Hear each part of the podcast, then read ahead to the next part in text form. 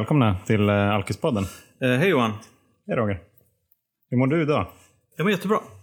Jag tycker det är jättekul eh, att vi sitter här och ska spela in ett avsnitt med en eh, gäst som kanske inte, vi får höra, säger att han är alkoholist. Vi får se, vi får se, vi får se. Det ska bli spännande. Ja, jag är väldigt nyfiken på vad som komma skall. Mm. Nej, jag bara tänkte så här, vi kör väl så. Vem är det som sitter här mitt emot? Ska jag presentera mig själv? Ja, gör det. Ja, här sitter då Fredrik Söderholm. Ja. Välkommen. Tack, kul att vara här. Hur mår du då? Vilken mysig liten spartansk eh, poddstudio ni har inrättat i Ja, hemmet.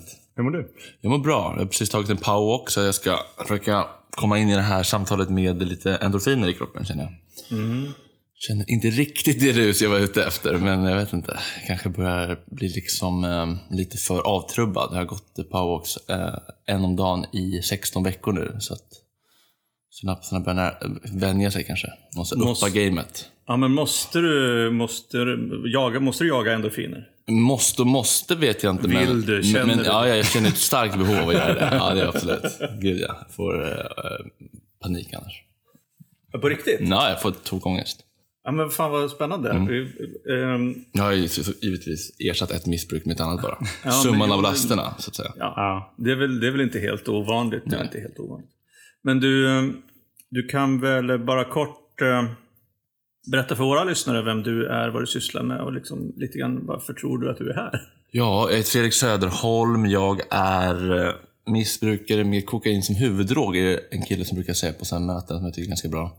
Jag är 27 år gammal och jag jobbar med media.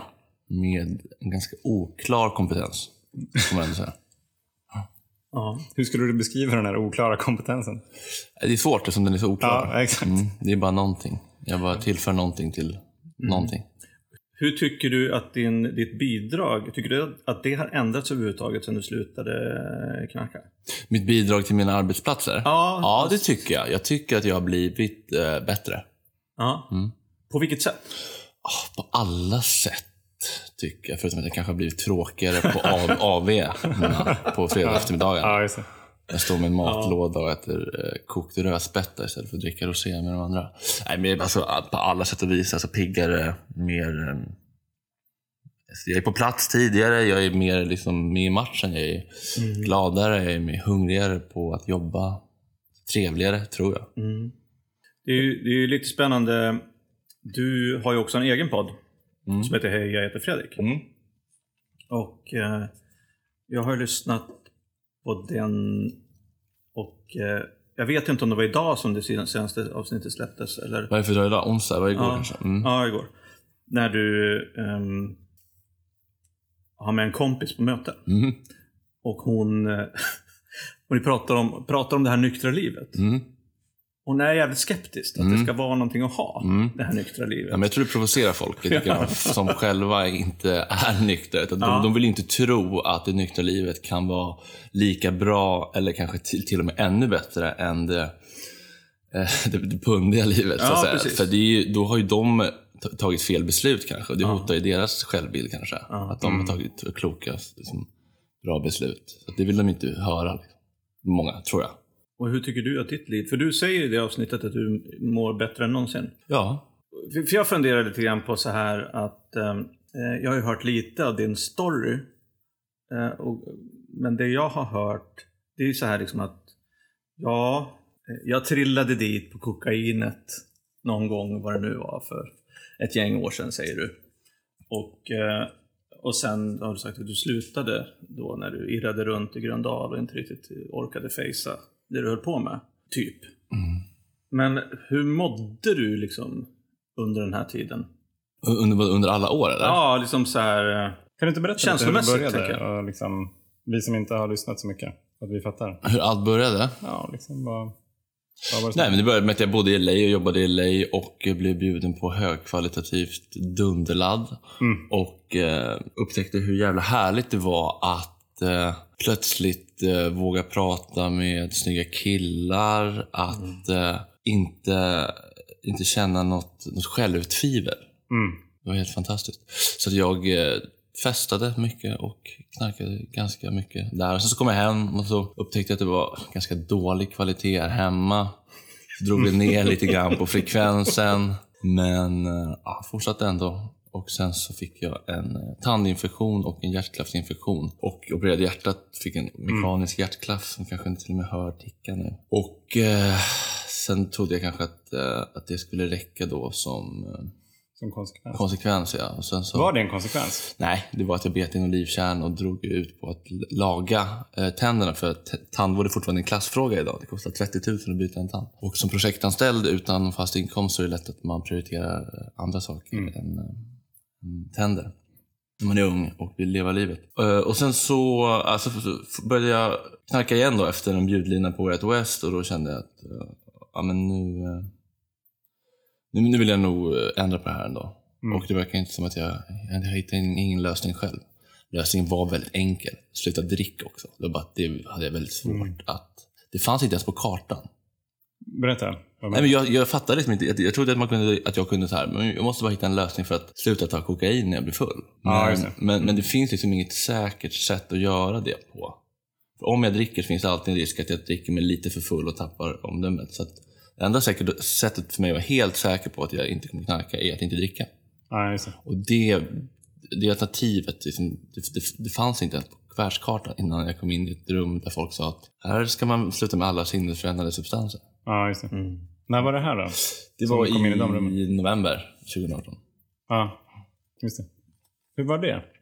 Men det var spännande. Jag hade ju väldigt mycket fördomar om de där rummen och tänkte att det var lite så här hjärntvättade människor som var med i någon slags sekt. Och eh, det kändes ju verkligen så på första mötet. Och folk var så här, ta en sponsor, gör stegen. Man bara, Åh, backa. Man kände sig så här påtvingad. Men jag gjorde ju också den här podden så jag tyckte att det var lite, det här kan bli content, det här kan bli spännande. Så jag gick in och tänkte att det här blir, liksom, det här blir lite, lite murveljournalistik, om inte annat. Ja, just. Eh, Och sen så blev jag sur efter första mötet. Uh, ska jag behöva sluta dricka också? Sen så blev jag full en gång efter och då köpte jag kokain. Spelade in det. Jag tänkte det här blir också bra till podden. och sen, Det är bra content ja. ja, sen så, så insåg jag, men fan det här kommer ju... Det är som att, um, det är som att man så här, bryter benet var tredje gång man åker skridskor men vägrar sluta åka skridskor utan bara vill liksom lära sig. Och, Inte bryter benen Ja. ja. också. just det. men det kommer hända liksom, var tredje, var sjunde, var tionde gång. Men jag tänker, på, jag tänker på det här med alkohol och kokain. Var i låg, när, när du höll på, vad var det som var din besatthet? Var det, var det liksom att få...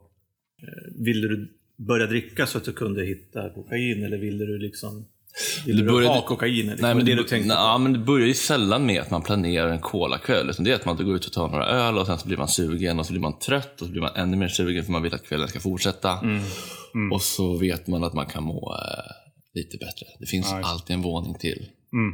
Det Det är det den, den där hemliga nyckeln till det där liksom, extra våningsplanet. Ja. Som är förrädiskt. Och sen så, klart, ibland liksom, planerade man ju sittningar. Så här, nu jävlar, nu beställer vi tio gubbar och så liksom spelar vi brädspel och har en riktig jävla sittning. Men det var ändå ganska sällan. Ska jag säga. Ofta, är, ofta är det de spontana kvällarna som blir de bästa. Sen blir de bara alldeles för ofta. Men du, på, på, på, på slutet där då, säg efter den här eh, Way Out West-linan där. Hur ofta var det som du gick, körde igång både med, med dricka och kokain då? Alltså, var det varje dag Nej, eller var nej, det... nej, det var det inte. Det var, det, så, det var inte så, eh, så fruktansvärt ofta. Det var bara att jag kände att jag ville sluta. Jag grejade inte riktigt och det kändes farligt för hjärtat. Och de som negativa konsekvenserna vägde, den vågskålen började väga tyngre än de positiva. Och jag kände nu jag vill jag dra i handbromsen på något sätt. Men vad var, det, vad var det mer i de här känslorna då som, som du fick dig att tycka liksom att fan nej. Men jag såg mig själv i spegeln och gillade inte det jag såg och hur jag blev och vad jag gjorde mot andra människor och hur jag levererade på jobbet. Och ja, den samlade känslan bara när jag såg mig själv i spegeln. Det- Jag tyckte inte att, att jag liksom uppnådde min fulla potential med den här livsstilen. Jag slagit i något slags glastak. Eller det kanske bara kvinnor som får göra. Jag hade slagit i något slags tak i alla fall. Kände att jag liksom stod och trampade vatten och bara, om jag ska kunna komma vidare så måste jag liksom Var tänker du att det Vad tänker du att potentialen är då? Nu? Ja. Nu är sky's the limit. Nu är det utsålt Globen eller vad fan du vill. Men alltså, nu känns det som att det finns inget längre, ingen liksom, inga bojor längre som, eh, som kan tynga ner mig. Och vad, vad var det egentligen som tyngde ner då? Vad, vad kan en sån boja vara för, för sådana som inte är nyktra idag till exempel?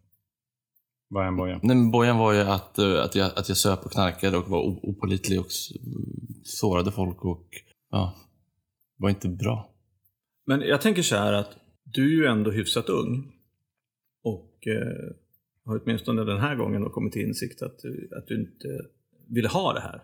Och jag tycker att det är eh, det, det är inte helt vanligt att man i kanske i mediebranschen som, vad är det, 27? Mm. Alltså att man tycker att nej, men nu, nu, nu får det fan vara nog. Nej, men det är inte alla som genomgår en open heart surgery. Jag hade nog inte gjort det Nej, annars. precis. Det var det, det jag Nej, tänkte. det, det är nog liksom min... Eh, jag var nog kanske länge liksom lite eh, arg på att, det, att jag tillät att bli som. Jag tror också att det kanske var min räddning. Det kanske var en, som en välsignelse att det där hände. Annars hade jag kanske inte tagit tag i det. Mm. Bara gasat på. När var det som du gjorde den operationen? Det var i somras. Ja, det var i somras? Ja, okej. Ja, det är ganska nyligen. Mm. Och, men hur såg, hur såg det... För att innan operationen, Mm. var det liksom mycket fest då också? Ja, alltså, alltså inte, inte mycket mer än någon annan. Problemet var bara att jag kunde aldrig sluta när jag väl var igång. Nej. Liksom. Det det. Det är som, Men- det är som nu när jag köpte liksom cashewnötter hit. Jag har liksom tagit den lilla påsen så jag kan göra slut på den. Jag kan inte köpa en stor påse. Nej. Jag måste köpa exakt Ja, det. det. Men 70 gram får jag äta. Sen är det slut. Ja. Men det var som jag skulle köpa ett kilo godis till, till en kompis på ett möte. Bara en sån här liten dare. Och eh, tar den lilla hinken på, på hemmakväll. Och fyller den liksom, typ till hälften tycker jag. Och, och så här, fan det är för lite. Det, är, det här är aldrig ett kilo. Så jag går runt ett varv till, kommer till kassan och liksom så är det 1,6 kilo. Och, tycker, och då tror jag ändå att jag har köpt för lite. Så jag tänker att det här med att, ehm, att vara missbrukare eller beroende eller alkoholist eller knarkare. Liksom, ingen som helst jävla begrepp om hur lite eller mycket saker är. Generellt. Så, när, det, när det gäller som så här, socker, eh, dricka, knark. Liksom, man tycker att... Jag har, be, tycker- jag har begrepp. Jag kan känna om det är 0,8 eller en hel gubbe. Men jag kommer tyvärr inte kunna sluta för det. Nej. Jag vet att jag har fått i för mycket. Jag vet att det är farligt nära kanske en överdos. Men jag kommer ändå fortsätta. Alltså, det är det som är så sjukt. Vad, kan du inte försöka beskriva lite den... Vad, vad är det som händer alltså när, när du har tagit då det som du tänker, det här är ganska mycket. Och så tar du ändå mer.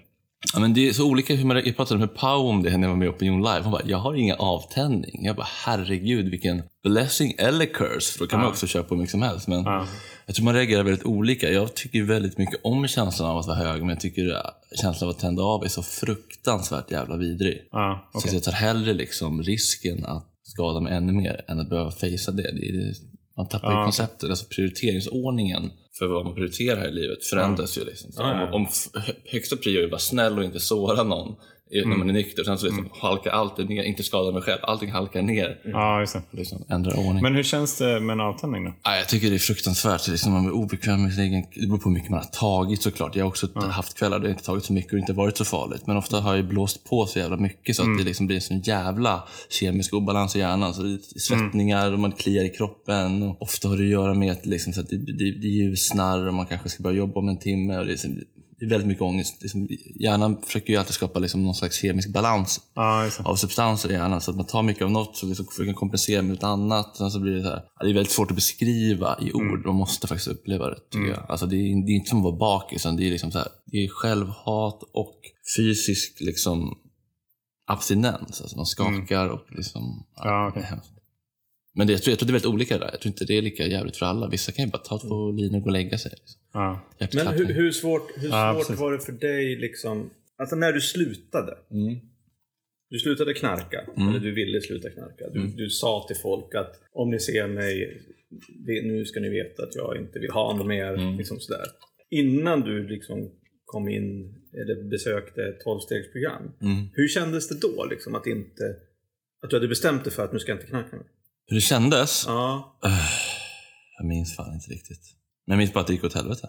Nej, men, alltså, eh, att eh, plocka russin i kakan och sluta knarka bara, det funkar ju liksom inte. Nej. Precis. Men ville ju tro det. Men när du väl hade bestämt dig för att "Ah, men det här går inte.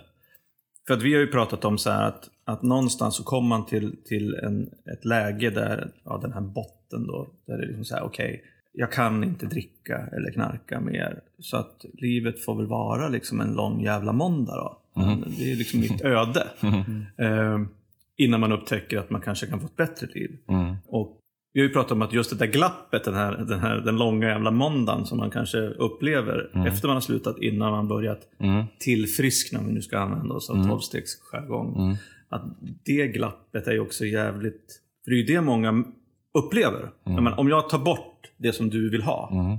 Knark eller sprit eller vad fan det nu är, Mm. och inte ersätter det med någonting annat. Mm. Ja, då är det klart, då blir, då blir det ju det jävla hålet blir ju ännu värre. Och, och det är väl det jag tänker, för att jag, du gick inte på möten då på en gång eller? Eller gjorde du det? Eh, jo, det gjorde, jag, det gjorde jag väl, tror jag. Jo. Och jag började jobba ganska fort med min sponsor Filip. Men då hade du fortfarande inte kapitulerat inför the drink? Eh, Inte, inte, inte direkt. Det dröjde väl... Eller så, det beror på vad man menar med kapitulera. Alltså, jag, jag sa inte att... Jag, jag, jag, vill inte ta, jag vill inte säga att jag är alkoholist, för det tycker jag känns som att devalvera det eh, uttrycket. Men däremot så erkänner jag att jag inte kan liksom, kontrollera mig när jag dricker. För att då liksom, blir jag så jävla kolasugen. Hur menar du med devalvera uttrycket? Nej, men det känns lite som nya liksom, trenddiagnosen ADHD, att alla är alkoholister för att de liksom är ute och DJar och dricker tre gånger i veckan. Eh, Jag kan provoceras ganska mycket av det. Liksom. Jag tycker man ska ändå spara lite, spara lite på begreppen så att de, som att säga jag älskar dig för mycket. Liksom. Det tappar sitt värde. Eh, hade det inte funnits kokain i den här världen så hade jag, eller liksom, jag hade aldrig sökt hjälp för mitt alkoholbruk. Liksom. Jag kan alltid sluta dricka för jag tycker det är tråkigt att vara full och därför jag alltid vill bli hög. Jag tycker full är ganska meningslöst. Ja, tre, tre första ölen, kanon. Pigg, glad, sen blir jag trött. Ja, just det. Och då vill jag ha någonting uppåt. Liksom. Mm.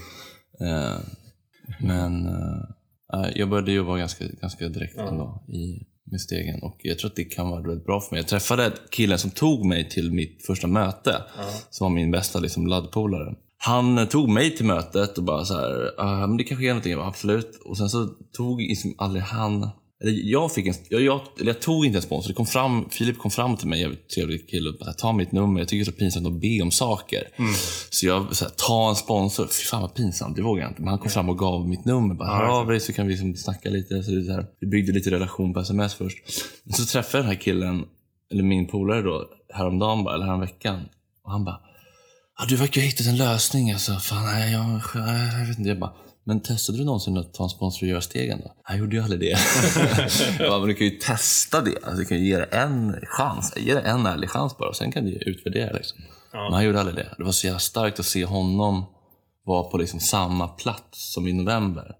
Mm. Och var liksom helt så här stirrig och bara, jag måste ha ett jobb, jag måste ha ett jobb, jag måste gå och göra på dagarna. Och han bara, så här. Stod mig ju tacksam med för liksom, att jag inte är där längre. Jag har en fråga. Jag tänker så här.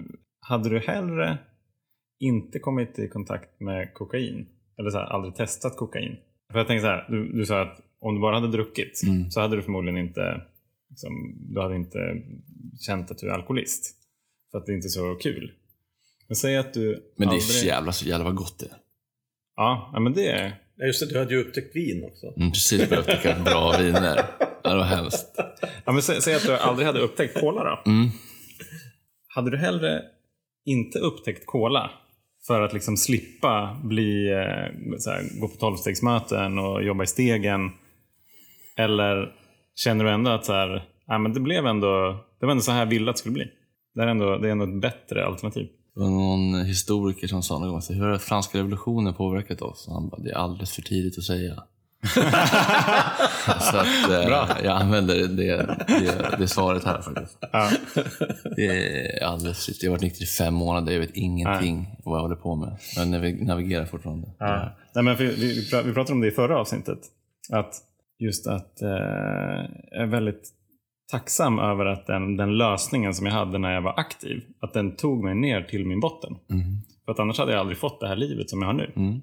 Ja, men så kan jag absolut känna. Och eh, det är ändå ja, så här, tre och ett halvt år sedan jag blev, eh, jag blev eh, nykter. Och eh, det, finns inte en jävla chans att jag hade jobb, gjort det jobbet som jag har gjort tack vare att jag är alkoholist. Mm. Eh, och då hade jag inte kommit till de här insikterna som jag har om livet idag. Nej, men lite så kan jag också känna. Jag kan tycka att ehm, jag har liksom lärt mig jättemycket om mig själv och eh, mitt känsloliv. Och så här. Jag ångrar ingenting.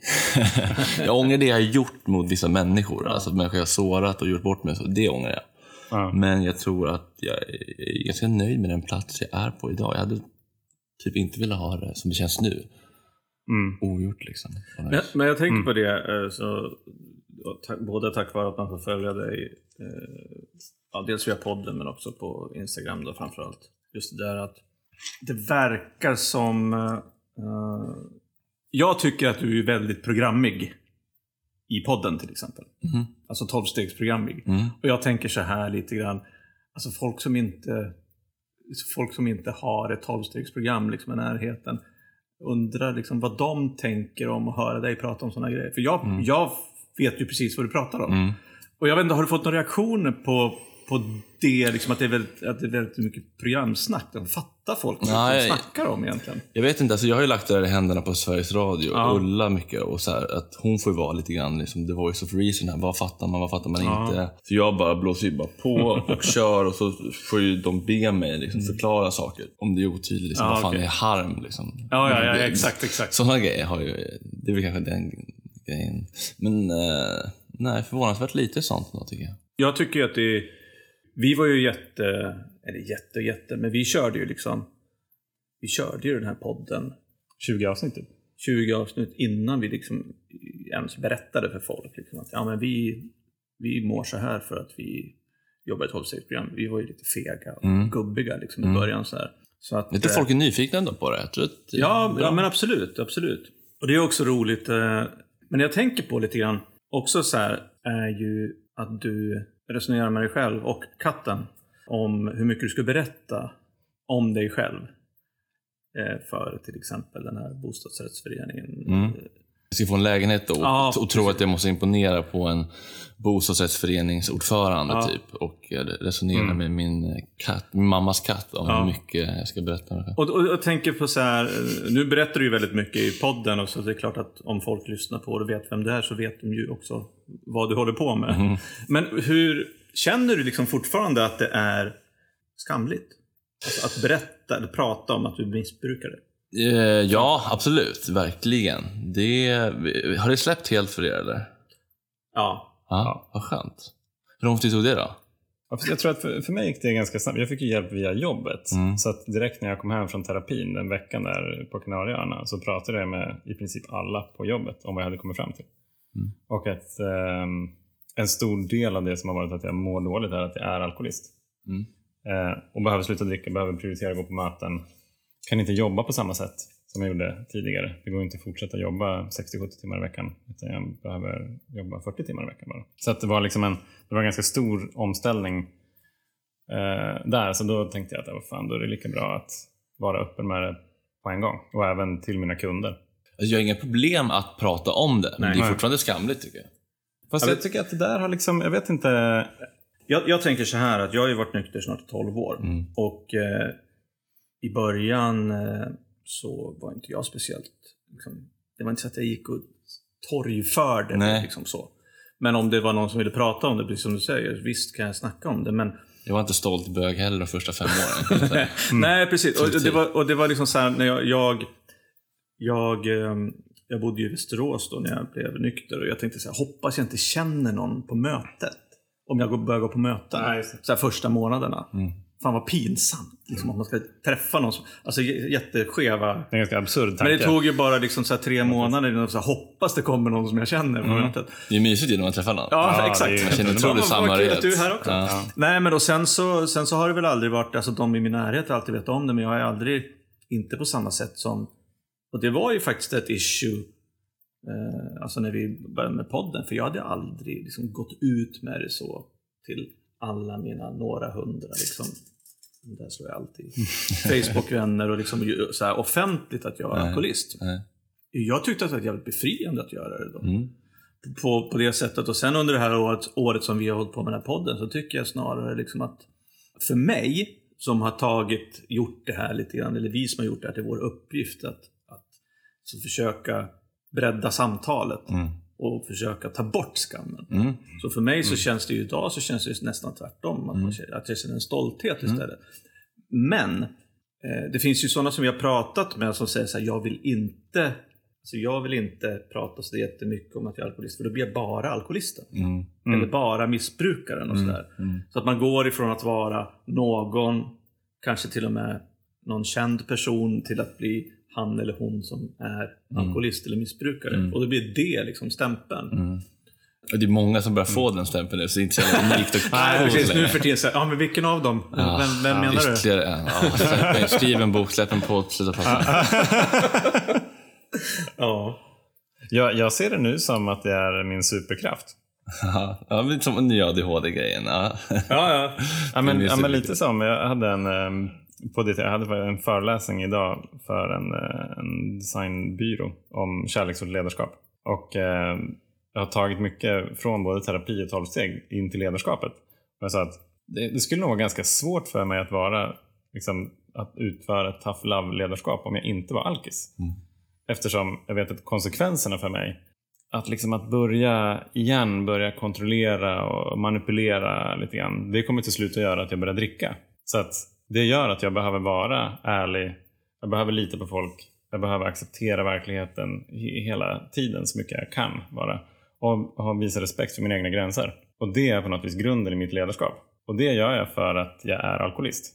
Och sen så får det jättebra effekter när vi är i näringslivskontext. Men det är inte därför jag gör det. Utan jag gör det för att jag är alkis och jag behöver, jag behöver vara nykter. Så liksom det viktigaste först. Eh, så att på det sättet så blir det ju enklare. Alltså här, antingen så är jag kärleksfull på jobbet eller så riskerar jag att dö i förtid av alkoholism. Och då blir det enklare, tänker jag. Ja, men det är ju lite det här alla våra angelägenheter liksom. På ett sätt. Men jag tänker, du, du pratar ju ganska mycket om i din, din podd om, eh, jag vet inte om det är så att du alltid uttrycker dig med, med just det här narcissistiska. Att du behöver liksom bekräftelse. Mm. Hur går det med det tycker du? Ja, hör du, det är väl inte riktigt upp till mig att bedöma. Du får fråga Tobias Salin på Nämndemansgården. Men eh, det är väl eh, som det brukar ungefär, tror jag. Jag skulle vilja säga att det har blivit bättre, men jag vet inte om det har blivit det. Alltså, Men har du, eh, har du just, när vi pratar till exempel om Johan som håller på med föreläsningar, jag har också gjort en del, men just när, när du som är en person som har både ett jobb och en, en, en, en vardag där, där du är väldigt, liksom, det handlar mycket om dig själv. mm. Har du pratat om det liksom med, med folk? Med, är det, känns det okej? Är det okej? Kan det vara farligt att liksom vara så, så mycket i sig själv och, och behålla liksom båda fötterna på jorden och vara i programmet? Nej, jag pratar mycket med, med min terapeut på Nämndemansgården om detta. Ja. Och eh, ja, jag kommer inte ihåg vad vi kom fram till nu, men vi har ju absolut adresserat det som ett, som ett potentiellt eh, Ja. område där det finns eh, förbättringspotential. Ja. Eller vad man ska kalla det. Ja, men jag tänker, jag tänker framförallt att det kan vara liksom, att det kan bli Ja men det är en av de här grejerna som man kanske måste hålla ögonen på för det kan bli, där kan det slå över kanske. Eller det kan bli farligt. Ja, ja, Just när man jobbar med, alltså om man blir alldeles för självcentrerad. Och, verkligen. och eh, nu försöker jag också hitta ett härligt programord. Grandios. Mm. I, i, sin, I sin egen självuppfattning. Samtidigt som jag är väldigt fylld av självhat. Så det är väldigt dubbelt. ah, Mm. Ja, Jag är smartare och roligare och mer verbal och har lärt än alla samtidigt som jag är usel och värdelös och inte förtjänar ja. någonting. Det, det är ju ett, ett återkommande tema för oss beroende personer i alla fall. Att det liksom, vi är på båda sidorna av något liksom ytterligt Mm. spektrum Mm. samtidigt. Mm. Jag brukar prata om terrorbalansen. Mhm. Liksom, som, jag, som jag hela tiden måste upprätthålla. Liksom. Någonstans att så här, just ha de här grandiosa tankarna och sen så ha det här självhatet. Också. Alltså, det, är, ju- det är ganska svårt att förklara det, för det är inte så logiskt. Nej. Som, Är vi människor så logiska då? nej, men vi är ju inte det. Vi är rätt komplexa. Så det är inte så konstigt att Jag har dragit i mig eh, tre gubbar ikväll, en lina till. Det logiska är inte att ta en till. Nej. Nej, men, men, det är väl inte så konstigt att man söker en lösning som är utanför sig själv heller. Nej. Tänker jag. Det kan ju vara ganska logiskt. Vi har också pratat om just i, i samma sida ungefär av det här att, att ehm, det finns ju en, eh, eller en del, hel del text i den stora boken som handlar om att, att försöka bli en, eh, ja, men en lite mer normal, genomsnittlig människa som kanske inte behöver sticka ut varken åt höger eller vänster eller uppåt och neråt. Och eh, det är ju någonting som jag menar, jag tycker att det är jävligt svårt att vara liksom lagom. Det är min absoluta största mardröm att vara medioker. Ja, det är, då dör jag hellre. Ja. Va- varför då? Berätta. Det vet jag inte varför. Nej. För att fråga min psykolog, men det är bara min absoluta värsta mardröm. Ja. Jag är hellre, jag är hellre usel än medioker. Ja, exakt. Mm. Att bara liksom vara lik, alltså bara så här flyta, nej. Ja. Hemskt.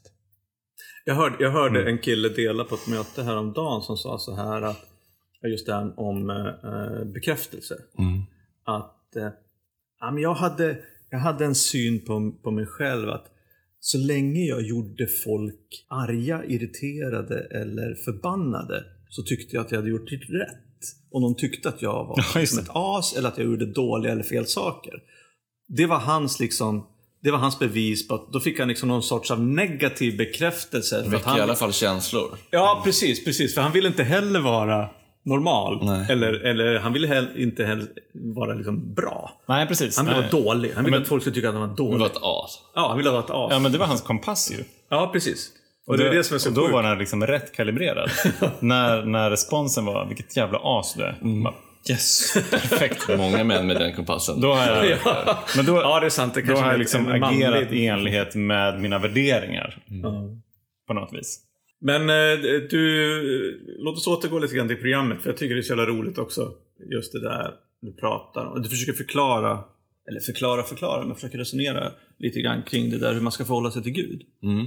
Eh, och eh, hur hittade du liksom, hur hittade du dit? Till ditt nuvarande förhållande till vad det nu är?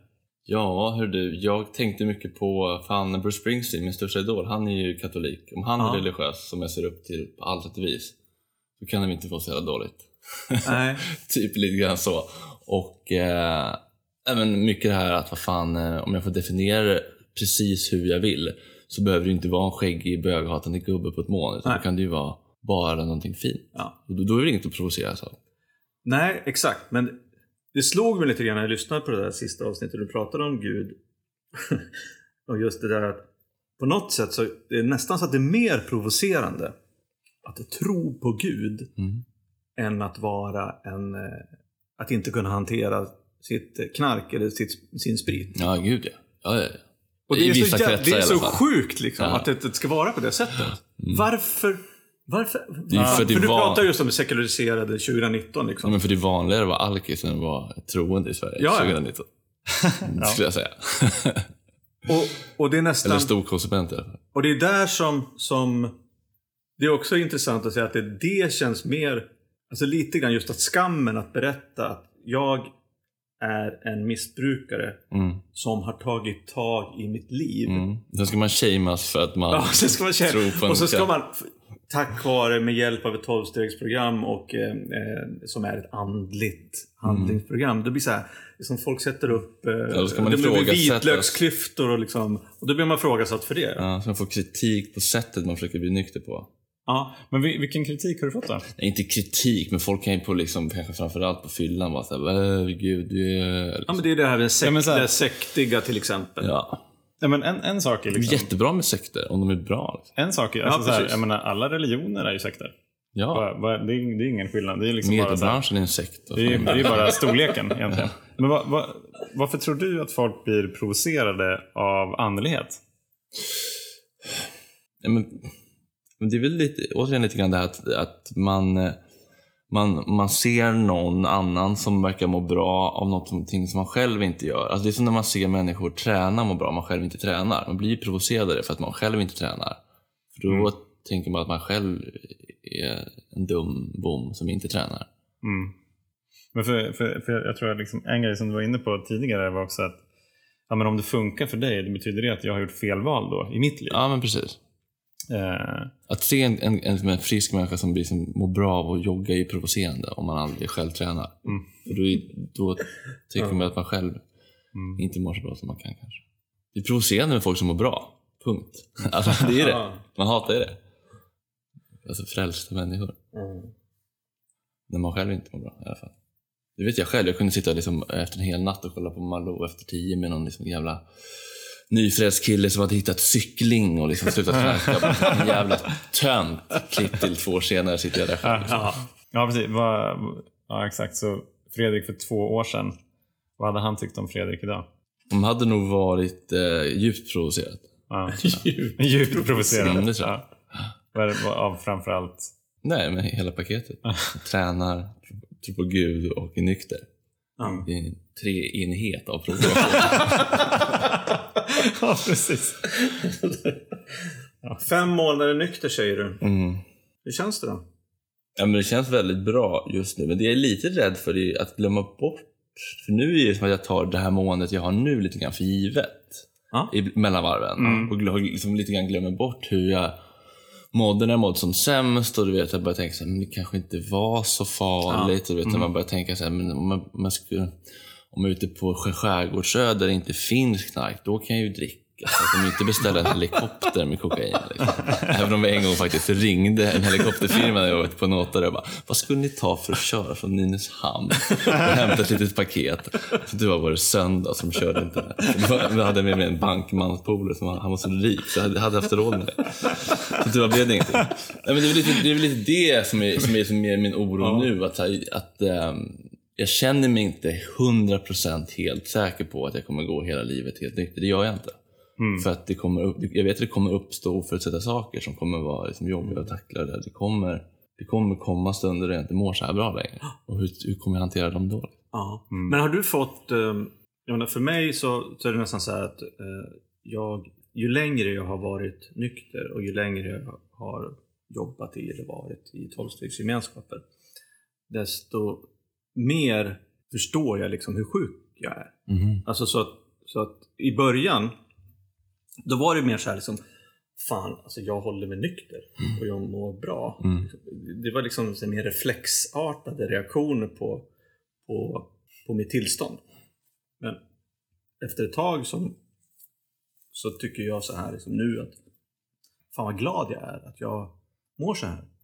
Och jag är också idag mer så här, övertygad om och tacksam för att fan, jag kommer att få, om jag håller mig nära det här programmet resten av mitt liv förhoppningsvis så kommer jag kunna fortsätta att må så här bra.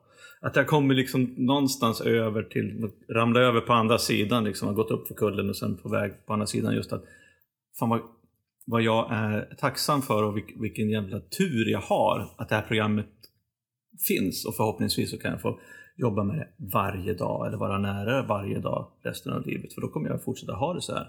Och det är ju lite, jag tänker också på det för du, du blir ju lite defensiv i senaste poddavsnittet när, eh, när du får så här, vadå gå på möten varje dag? Nej, nej, nej, nej, inte varje dag. Det är bara i början. Sen så kan man ju trappa ner Ja, lite grann. jag tar det försvar. Jag försöker liksom få det fram som mindre galet för, för, för Moa där. Ja. Mm. Men, Men det är eh, också en grej jag, jag har tappat nu när jag mår så bra, att jag liksom så här slarvar med möten och böner och sådär. Och det, är- det är lite som att jag vill testa. Men vad, vad, vad, vad händer då om jag inte går på möten? Vad händer om jag inte ber? mm. Eh, som Hur att- känner du då? Vad är det som händer? Jag vet inte, men det är som att jag vill ha liksom empiriska studier. Jag vill, nästan som att jag vill att det ska gå åt helvete så att jag liksom får svart på vitt. Okej, det funkar inte. För annars är det lite grann som, jag vet inte, som så här, om, om vi båda går till gymmet och tränar och så blir vi båda asfit. Och sen slutar jag gå på gymmet och fortsätter vara asfit. Då skulle du känna dig dum som fortsätter gå till gymmet. så jag vill ju se att min kropp förfaller nu när jag slutar på, på, något, på något vis. Eller Ja, jag vill liksom ja, jag hitta Ja, jag- jag en vetenskapliga bevis för att jag måste gå på möten. Men det finns det ju inte, för det är ju andliga grejer vi Ja. snackar om. Det är det som är min liksom, inre kamp. Liksom. Men, vad, men vad, hur känns det då eh, i dig när du inte går på möten under ett tag? Vet inte riktigt faktiskt. Jag vet, jag vet, alltså, jag vet ju bara att, att man mår bra efter ett möte. Men jag mår också ganska bra utan. Alltså förstår du, jag mår inte dåligt när jag inte går på möte. Mm. Men, ja, men det är väl lite skuldkänslor också att inte gå på möte. Vilket också blir så här dubbelt i mig. För ska man göra saker man inte vill, men min vilja ska man också slå sönder och ersätta med andlig vilja. Och jag vill ju inte gå till gymmet, men jag vet att jag mår bra av det. Eller jag vill ju träna, men jag har ingen lust att träna. Men jag vill gå på möten, men jag har ingen lust att gå på möten. Mm. Ska jag göra saker jag inte vill? Och så här, ja. Ja, men det är väl ett ganska intressant experiment i sig? Vadå? Nej, men så att testa vad, vad händer om jag inte går? Vad, vad, händer, vad händer om jag går även fast jag inte vill? Mm. Och, så här, och jag menar, min, min spaning, min egna spaning är så här, oberoende av hur mycket jag inte har velat gå på ett möte innan och så går jag, så mår jag ändå bättre Ja. efteråt. Jag tror det, det är liksom men, något undantag. Så har jag något möte uppe i Timrå så har jag liksom känt mig förbannad när jag har gått därifrån. Liksom. Men det är en jävligt intressant ekvation där. Alltså hur mycket del, hur mycket tid lägger man på att inte vilja göra saker? Mm. kontra exakt. hur mycket bättre man mår när man har gjort sakerna. Alltså den, den vågskålen är så här, ja, men om jag, inte gör, om jag inte gör saker jag inte vill, då blir jag ju nöjd då. Men kanske inte lika nöjd som jag hade blivit om jag hade gjort de här sakerna som jag inte ville. Exakt. Hur fan ska man veta när det är lagom? liksom? Nej, exakt. Precis, jag mår ju bra hela kvällen om jag går på, går på gymmet nu. Det vet jag ju. Ja. Kommer jag liksom... Jag tycker det är lite svårt faktiskt. Det var också lite prestation i början tror jag. Så här, eller man hade så här, men jag ska gå fyra dagar i veckan, jag ska göra tolv steg och lite grann, nu är jag klar. Ska jag väl få unna mig att vara lite ledig också. Ja, just det. Och lite den belöning. Ja, exakt. Hej! Oj, med Gustav. Ja. Hej Gustav. Det är ju lite roligt också att du säger det som alla andra som går på tolvstegsmöten tänker. Mm. Det här med nytt material. Mm. För det är, inte, det är ju inte bara du som går och tänker på att man behöver ha nytt material Nej. på mötena. Vissa tänker ju inte det. Vissa kör ju samma gamla rutin om. Jo, precis. Men det är klart att, klart att eh, många av oss vill, vill ju, känner att det finns liksom prestation där också. Fast, fast vi inte ska göra det. Nej. Nej, men säg bara, säg bara liksom det som det som du behöver. Ja, eller, eller det som du Ja, sa, delar prata om texten. Eller om du inte har, vet vad du ska säga, säg att du inte vet vad du ska säga. Mm. liksom så här. Alla delningar är lika bra, om de, så länge de handlar liksom om, ditt, om problemet. Mm. Eller lösningen. Mm. Precis. Så här, men det är också kul att få skratta lite. Ja, där. ja, Så här. ja, men den är ju, den är ju svår. Jag, jag tycker överhuvudtaget att, att inte göra tillfrisknande till en prestation Mm. tycker jag kan Ja. vara ganska svårt. Mm. Ehm, jag kommer ihåg jag hade ett, eh, ett område som skulle jobba med i terapin. Skulle jobba med min perfektionism. Och den jobbade med, vi hade så här månadens tema. Och jobbade med det i fyra månader. för att det skulle bli ja, men perfekt. Ja. Jag skulle naila liksom, Ja. perfektionism. Så här, och min terapeut sa, "Men du inser att det här är rätt sjukt. va?"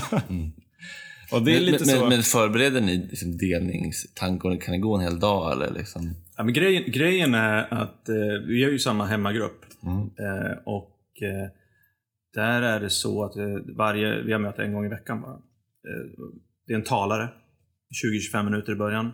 Och sen så är det alltså delning via pekning i princip. Mm. Vi har en mötesledare som, som säger vem som ska dela. Mhm.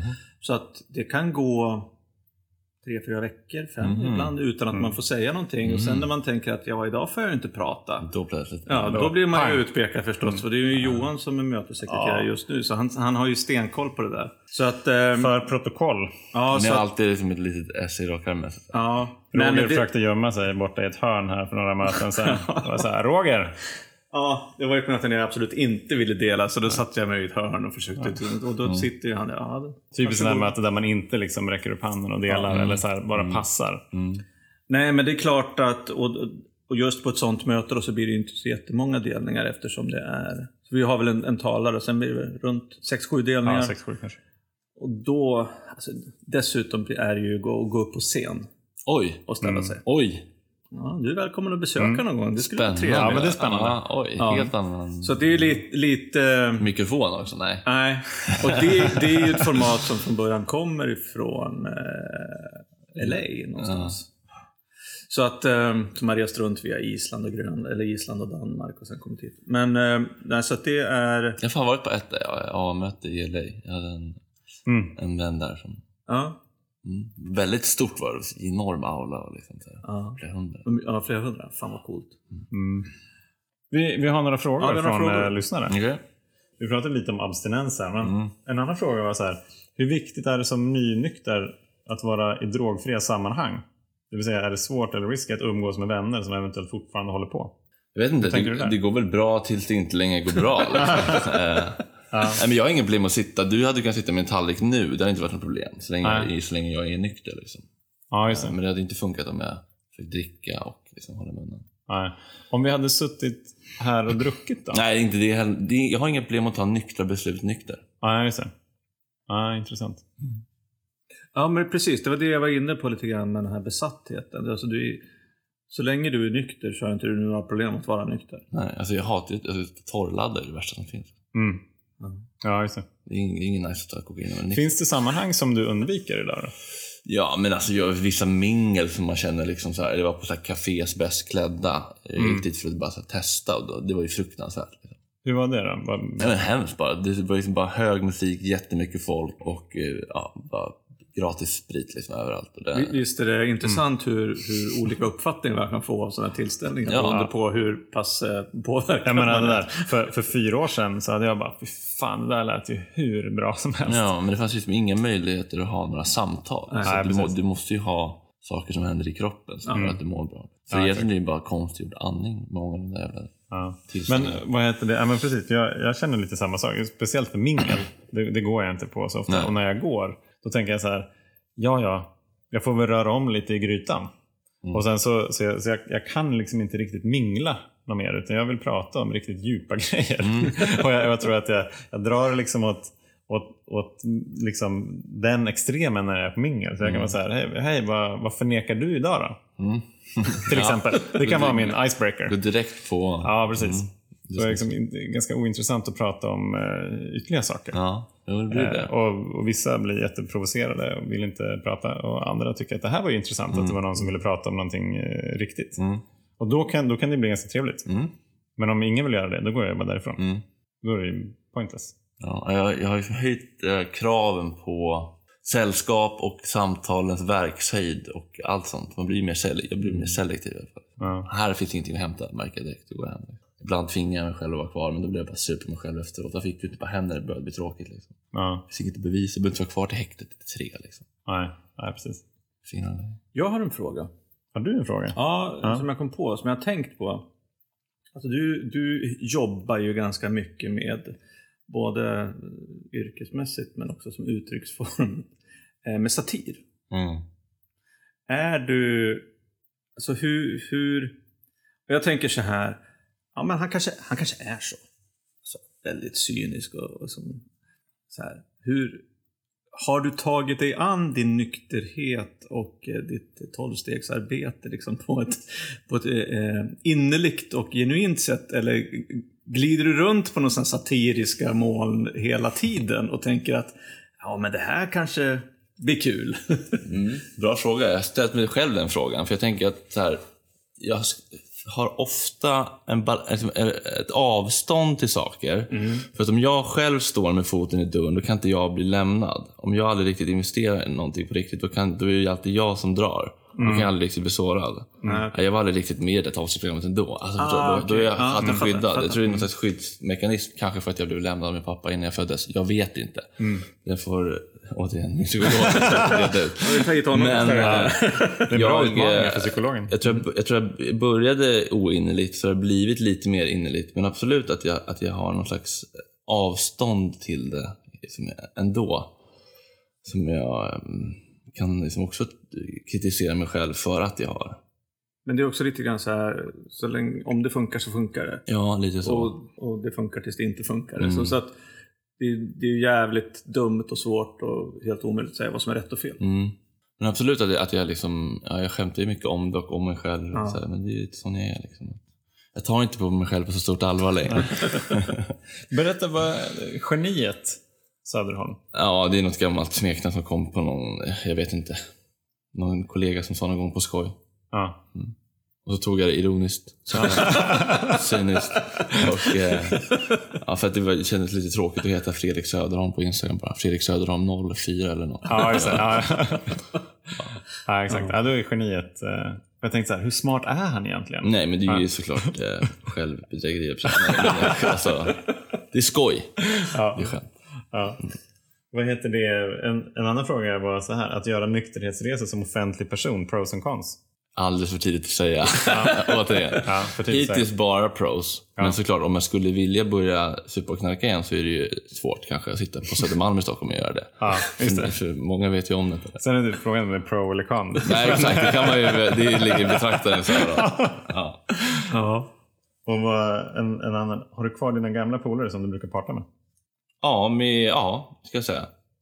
Kanske någon enstaka som där liksom knarket bara var kittet. Som har fallit bort av naturliga skäl. Ja, just. Men eh, ja, jag har inte bytt ut hela mitt umgänge så. Nej, Det har jag inget på att göra, Mm. känner jag. just det. Också väldigt bra vänner ska jag säga, som inte har, även om de har känt någon gång säkert, vad fan vad tråkig du har blivit, så säger de inte det. Nej. För de förstår att det inte är det jag behöver höra. Hur har relationerna förändrats då? Eller har de förändrats? Till mina vänner? Ja. Nej, ska jag inte säga. ja. Nej. Alltså de, jag är rädd för att de ska känna Mm. att ta ansvar för min nykterhet och att jag ska bli en belastning för Mm. rummet. Liksom, När jag är med och folk börjar bli fulla. Att de ska liksom, tycka synd om mig. Det kan jag känna. Så här, gör inte det. Men kanske de gör. Jag vet inte. Mm. Ja, det, är, det är lätt att säga det, men det, är, ehm, ja, det, vet, det vet man inte. Nej, jag kan tänka mig att de kanske s- ibland sitter och känner att jag på något sätt inte ser ner och föraktar. Men alltså att de tror att, tror att jag tänker saker om dem. Mm. Som jag ju inte gör. Alltså, Mm. Jag tycker ju alla får göra exakt som de vill. Mm. Jag, tycker, jag tycker, tycker inte att jag är bättre än någon som är nykter. Det är bara att, ibland känns det som att folk tittar på mig och tänker att jag tänker så. Ja, just det. Är, det, är, det är väldigt mycket tankeläsare eh, där ute. Mm. Det är väl eh, ofta en ganska bra källa till eh, förvirring och Mm. eh, förbistring, tänker jag. Spännande. Mm. Jag tänkte på, jag funderar på det här att em, just det där att bli nykter i offentligheten. Men vad, vad, hur känner du inför det här att, att bli liksom en, en galjonsfigur för tolvstegs tillfrisknande? Ser du det som liksom... Galjonsfigur. Ja, men- jag, jag, jag, jag, jag, jag, har inte- Nej, men ser du det liksom som att föra budskapet vidare eller är det bara din vardag? jag, men jag, att jag ser podden lite grann som att föra det vidare. Ja, Ja, ja. det tänker jag. Ja, fan vad bra. Det, tänk- alltså jag tänkte det, så här, det om det här blir bra så skulle det kunna vara så att någon lyssnar på det och blir hjälpt. Och det är det är många som har skrivit Ja. och, och säger det. Så det, det tycker jag bara är positivt. Alltså, och 12 behöver mer coola representanter också. Alltså, det är lite Ja, tönt, sant. jag har lite töntstämpel. Tack! för att vi får ha geniet som, som representant för tolvstegsprogrammen. Mm. Nu, kan Nej, det, bara, alltså- nu går, kommer det bara gå uppåt. Jag vill verkligen inte vara en, en representant för det. Jag, jag, jag kan ju bara berätta min historia. Men jag kan ju säga att det har hjälpt mig och att det är bra. Mm. Och att det är liksom värt att testa. Det är liksom, man är inte in it for life. Man kan ju hoppa av om Nej, precis. tycker Det där har vi ju hört från, eh, från tidigare Alicia. gäster. Men, ja, men din, eh, jag tror att det är din sponsor som säger samma sak. Mm. Testa liksom. Ja. För knarket och spriten finns ju kvar Ja, du kan hoppa av när du vill. Ja. Kommer inte, som säger, bolaget kommer inte gå i konkurs direkt. Nej, Och det är ju också ett... inte Mehmet heller. Nej, precis. Så att det är också... Även om aktiekursen dyker lite, liksom, just när man får reda på att så här, nu, är, nu är de här nyktra. Mm. Ja. Så det är också ett tips till er som lyssnar på det här också. Att, eh, vad fan. Men man kan verkligen gå dit och bara, det här var inget för mig. Jag är, jag är nog inte alkoholist eller narkoman eller vad fan som helst. Men här, det är gratis att gå dit och bara kolla läget. Liksom.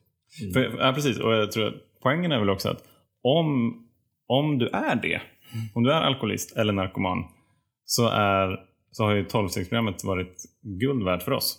Mm. Så att då har du ju verkligen liksom dragit en jackpot. Mm. Så det är så här, ja, det kostar ingenting, du lovar ingenting. Gå dit, testa. Om det inte verkar bra så är det bara att göra någonting annat. Ja. Har du något, um, någonting du vill skicka med ut så här avslutningsvis? Försök vara snälla mot varandra. Det är väl egentligen det, det viktigaste här i livet. Mm. Alltså, det kokar ner till typ det, Mm. tycker jag. Men på riktigt. Ja. Mm. Var snälla mot varandra. Det är faktiskt ganska enkelt. Ja. Eller det är inte så enkelt att vara det, men det är en, en enkel tumregel. Precis. Försök Nej, det. alltså det är enkelt men det kan vara jävligt svårt. Mm, verkligen. Jag tänker att det är eh, just att, här, att vara snäll mot mig själv Mm. också. Ja, det är ännu svårare. Tycker jag, alltså det, det är på något vis liksom den, Ja, där är jag absolut den, inte än. den riktiga nöten att knäcka. Ja. Ja. Men tack för påminnelsen. Mm. ja. Johan, vad tänker du på? Nej, men jag, det, det, det är nog precis det jag tänker på. Att, att vara snäll mot... Alltså så här, vi pratar om så här, prestation till exempel i, i tillfrisknande. Det är inte att vara så snäll mot mig själv eh, riktigt heller. Och det, är så här, det, det blir så det blir så skevt eh, i det där. Det är så här hur, hur tänker jag när, jag så här när jag slår på mig själv för att jag inte har blivit tillräckligt andlig eller så här, jag, jag Mm. borde veta bättre. som Okej, men du är människa. För, för jag tror att om jag kommer ihåg att jag är människa, då, och är snäll mot mig själv, då kan jag nog ha rätt stor möjlighet att vara snäll mot andra också. Och inte på ett sätt som gör att, att jag är snäll mot dem för att jag vill ha någonting från dem. Utan för att jag genuint tycker om dem. Det var en bra påminnelse. Mm. Man mår ju också bra av att vara snäll, vilket också kanske man kan se det som att det är en självisk handling. Ja. Men jag, Ja, jag, exakt, brukar, jag brukar säga att det är liksom en, någon form av så här funktionell egoism. Mm. Ja. Mm. Fast det är det är inte bara skevt att vara egoistisk. Nej. Utan det finns ju liksom också någonting funktionellt i det. Så absolut. Vad tänker du då? Jag tänker på ett uttryck eh, faktiskt eh, ifrån kapitel 5, hur det fungerar. Mhm. Vi är inga helgon. Nej. Eh, och jag tänker på det, alltså, jag tycker på ett sätt att det varit ganska befriande att prata om ja, men lite, så här, lite prestation i programmet och lite, lite det här att, att alltså bara, vi mår bra. Jag mår bra. Du, du vittnar också om att du mår bättre nu. Liksom. Och Johan, jag vet att du mår bra också. Liksom. Just att bara för att vi har eller för att jag har ett bättre liv betyder inte att jag på något sätt är liksom något jävla helgon. Nej.